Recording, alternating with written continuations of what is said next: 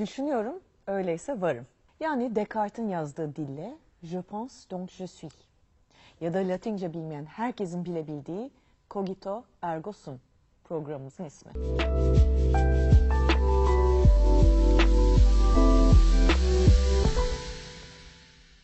Modern felsefe bu cümleyle doğdu desek yeridir.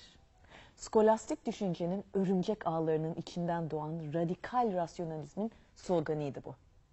Düşünce tarzımıza ve bakışımıza radikal bir revizyon getiren Descartes'in ana akımdan kopup düzeni sarsma hikayesi heyecan vericidir vermesine.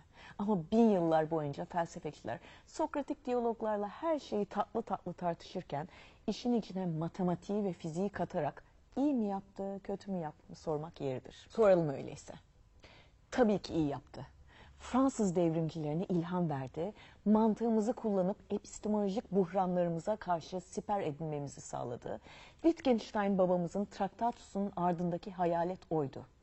Aslında aydınlanma ve bilim çağına giden yolun nasıl inşa edildiğini, bugünlere nasıl gelindiğini bize bir fil göstermiş oldu Descartes.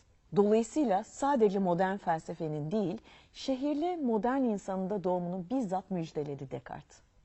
Gelin Descartes'i mercek altına yerleştirip modern çağa nasıl girdiğimizin filmini müstesna Monsieur René üzerinden okuyalım. Öncelikle bir uyarı.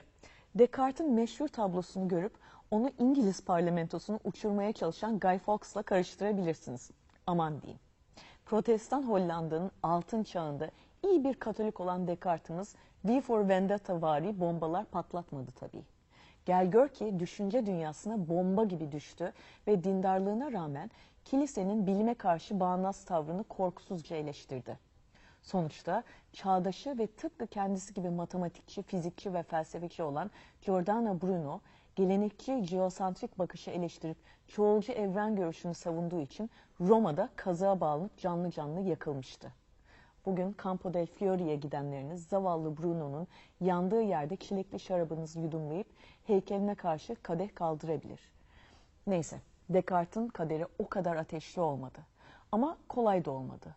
Doğduğu Fransa'dan ayrılıp güya daha özgür düşünüp yaşayabileceği Hollanda Cumhuriyeti'nde 24 kere ev değiştirmek zorunda kaldı. Zira devletin casusların nefesi ve nazarı her daim sırtındaydı. Ama bu onu caydırmadı. Stanford Felsefe Sözlüğü ki benim en sevdiğim sözlüklerden biridir. 1596-1650 yıllar arasında yaşamış filozofumuzu birinci derecede yaratıcı bir matematikçi, önemli bir bilimsel düşünür ve orijinal bir metafizikçi diye tarif eder. Matematik dünyasına getirdiği teknik yenilikler sayesinde analitik geometri diye bir şeyden bahsedebiliriz mesela. Bilim dünyasına dünya ve gezegenlerin nasıl oluştuğunu, bir gökkuşağının anatomisini renk ahenk bir şekilde izah etmiştir. Ama tüm bu teorilerin ve hipotezlerin ötesinde dünyaya ve atomlarına, ruha değil maddeye nasıl bakmamız ve sorgulamamız gerektiğini göstermiştir.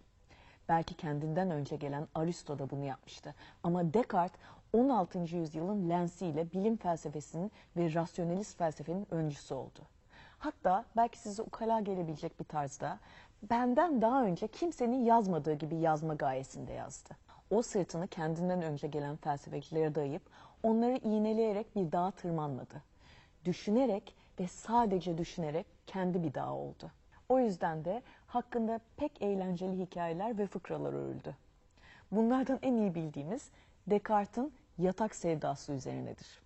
Arkadaşları nerede bu Rene deyip evine daldıklarında Descartes'i yatağında bulup saat kaç oldu bu ne tembellik gibi homurdandıklarında Descartes düşünüyorum demiştir. Ne de olsa düşündüğüne göre vardır. Descartes fıkraları da ne hikmetse genellikle hep barda geçer. Mesela bir gün bir adam ya da bir at bara girer. Barmen bira içer misin diye sorar. Descartes ya da onun avatarı olan at I think not yani düşünmüyorum diye cevap verir ve puf yok olur gider. Düşünmeyince yokuzdur ya. Dolayısıyla bunun gibi pek çok fıkra vardır Descartes'in etrafında. Peki Descartes'in babası kendisi gibi onun da avukat olmasını isterken nasıl oluyor da bilim ve felsefeye yönelir? Annesi doğduğunda ölen, büyük annesi ve dayısıyla yaşadıktan sonra Cizvit okuluna verilen küçük René okulda atomistler, Platon ve Stoacıları okur. Burada aldığı eğitim ondaki matematiğin ve fizik bilgisinin temellerini oluşturur. Ama asıl eğitimini dünyadan ve gezilerinden alır. Yöntem Üzerine Konuşma adlı 1637 tarihli en bilinen kitaplarından birinde dediği gibi kitabi eğitimini tamamen sonlandırdım. Amacım kendimden veya dünyanın büyük kitaplarında bulamayacağım bilgileri aramaktı. Dolayısıyla gençliğimde bol bol gezmeyi, sarayları ve orduları ziyaret etmeyi, farklı mizaç ve mertebedeki insanlarla karışıp çeşitli tecrübel edinmek, şansın karşıma çıkardığı farklı durumlarda kendimi test edip her daim karşıma çıkan olayları gözden geçirip tefekkür ederek bu tecrübelerimden fayda elde etmeye çalıştım yazmıştı. Bu tecrübeleri Descartes'a her şeyden ama her şeyden şüphe duyup sorgulamasına yol açtı. Takdir edersiniz ki bu insanı delirtebilecek bir haleti rüyedir. Ben gerçek miyim yoksa bir rüya mıyım? Uyanık mıyım yoksa değil miyim? What is the Matrix gibi düşünceler bizi solipsistik bir cehenneme sürükleyebilir. Buna rüya hipotezi diyoruz. Yani radikal skeptisizmin geldiği nokta. Descartes'a göre rüya dünyası ve uyanıkken tecrübe ettiğimiz dünya aynı içerikten mürekkep. Descartes'a göre iki durum birbiriyle karışabilir. Mesela çoğu kez rüyadayken uyanık olduğumuzu düşünebiliriz. Rüya gördüğümüzün farkında bile değilizdir. Kendinden hemen sonra gelen Hobbes, Descartes'i ameliyat masasına yatırıp uyanıkken hayatımızda absürtitenin eksik olmasını hatırlatıp bilinçli hayatı rüyalar diyarındaki hayatımızdan ayırır. Belki Hobbes yaşasaydı absürtlüklerin hiç eksik olmadığı güzide ülkemizde bu cümleyi kurmazdı. Olup biten her şeyi ülkemize bağlamak milli spor olduğundan ben de arada sırada kendimi kaybedip serzenişe soyunuyorum. Kusura bakmayın. Ayrıca gri gündemi renklendiren bu garabetlerden şikayet etmenin zamanı değil. Descartes'in rüya hipotezi onun kötücül iblis hipotezine benzer. Orada da Descartes şöyle bir düşünceyi ortaya atar. Velev ki her şeyi çok seven bir ilah göksel verandasından bir kukla oynatıcısı gibi her şeyi yönlendiriyordur. Ama bu ilah sandığımız şey kötücül bir iblis ise ve her birimizi kandırarak gördüğümüz ve tattığımız her şeyin gerçek olduğuna inandırmışsa ya da her şey bir illüzyondan ibaretse. Olala. İşte bu Descartes'in iblis hipotezidir. Sonuçta birbirine benzeyen bu iki hipotez aynı noktaya varır. Descartes en tanınan eserlerinden biri olan meditasyonlarında dünyanın ve bizim varoluşumuzun gerçek olup olmadığının kanıtını arar. Sonunda sofu katolikliğinin olsa gerek cevabı Tanrı'ya bağlar. Düşünüyorum, öyleyse varım diyerek düşünce vasıtasıyla kendimizin varlığını kanıtlar. Nasıl mı? Şayet her şeyi sorgulayıp şüphe duyuyorsak bu şüphe duyabilme yetisine sahip kişi var demektir. Ve fakat insanlar mükemmel olmayan varlıklar olduğu ve kendilerini yaratamadıkları için bizleri yaratan bir şey olması gerekir. O da Tanrı'dan başka kim olabilir? Ergo Tanrı vardır. Yöntem üzerine konuşma kitabındaki düşünüyorum öyleyse varım cümlesi de bu rüyalı ve iblisli düşünce jimnastiklerinin ilk prensibi ve ürünüdür. Descartes, yöntem üzerine konuşma eserinden birkaç yıl sonra 1641'de yayınladığı ilk felsefe üzerine meditasyonları yöntem kitabındaki temel bakışı olan radikal skeptizmi yenileyerek bize kartezyen dualizm adlı düşüncesini armağan eder. Bir mektubunda belirttiği üzere bu kitabında daha önce kaleme aldığı düşüncelere netlik getirmek amaçlamıştır. Dolayısıyla daha önce de değinip cebelleştiği zihnin naturası, akıl ve vücut arasındaki birlik ve beraberlik meselesi, Tanrı'nın varlığı gibi konuları daha da ısrarla irdeler. Nedir kartezyen dualizm dediğimiz? Descartes'a göre dünyada iki ana temel vardır. Fiziksel ve zihinsel. Descartes'a göre zihin ve beden birbirinden pekala ayrılabilir Velhasıl zihinsel işlemler illa da fiziğe dayanmak zorunda değildir.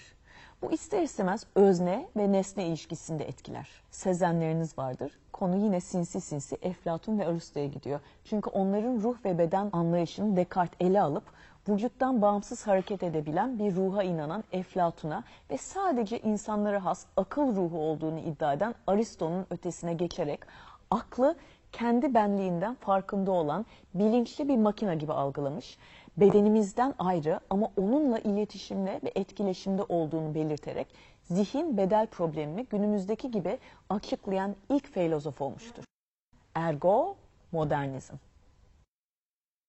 Descartes konulara her daim bir fizikçi gibi yaklaşır. Dış dünyada gözlerimizle gördüğümüz şeyler stimüller sayesinde beyne ulaşır. Fiziksel dünyadaki olgular böylece zihne kaydedilir. Beyin kaslara komut vererek bizi harekete geçirir.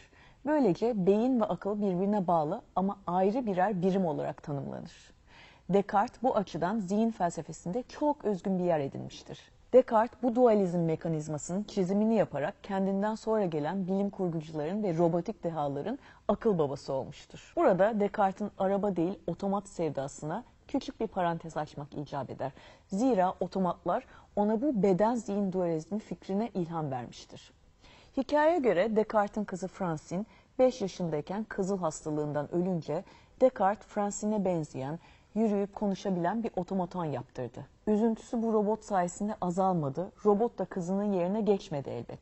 Ama en azından 3000 yıl boyunca kurulmuş bir robot rüyasının ilk yaklaşanın Descartes olduğunu söyleyebiliriz. Descartes'in bir sonraki kitabı Filozofia 1644 yılında tamamladı ve her zamanki gibi epistemolojik metafiziğin sıcak sularında yüzdü ve beden ve ruhtan yükselip evrenin yapısına girdi. Aslında bu kitap meditasyonlarına konulan son noktaydı. Fizik kanunlarından, bu arada yine parantez açıyorum, merak etmeyin Aristo ile bağlantı kurmayacağım. Descartes'in buradaki temel amacı 2000 yıllık Aristotelyan felsefeyi tarihe gömmekte. Çok önemli bir gözlemde bulunur Descartes. Dış etkenleri bir tarafa bırakarak bir objenin hareketi düz hatta muntazam bir şekilde devam ettiğini söyler Descartes. Kulağa tanıdık geliyor mu?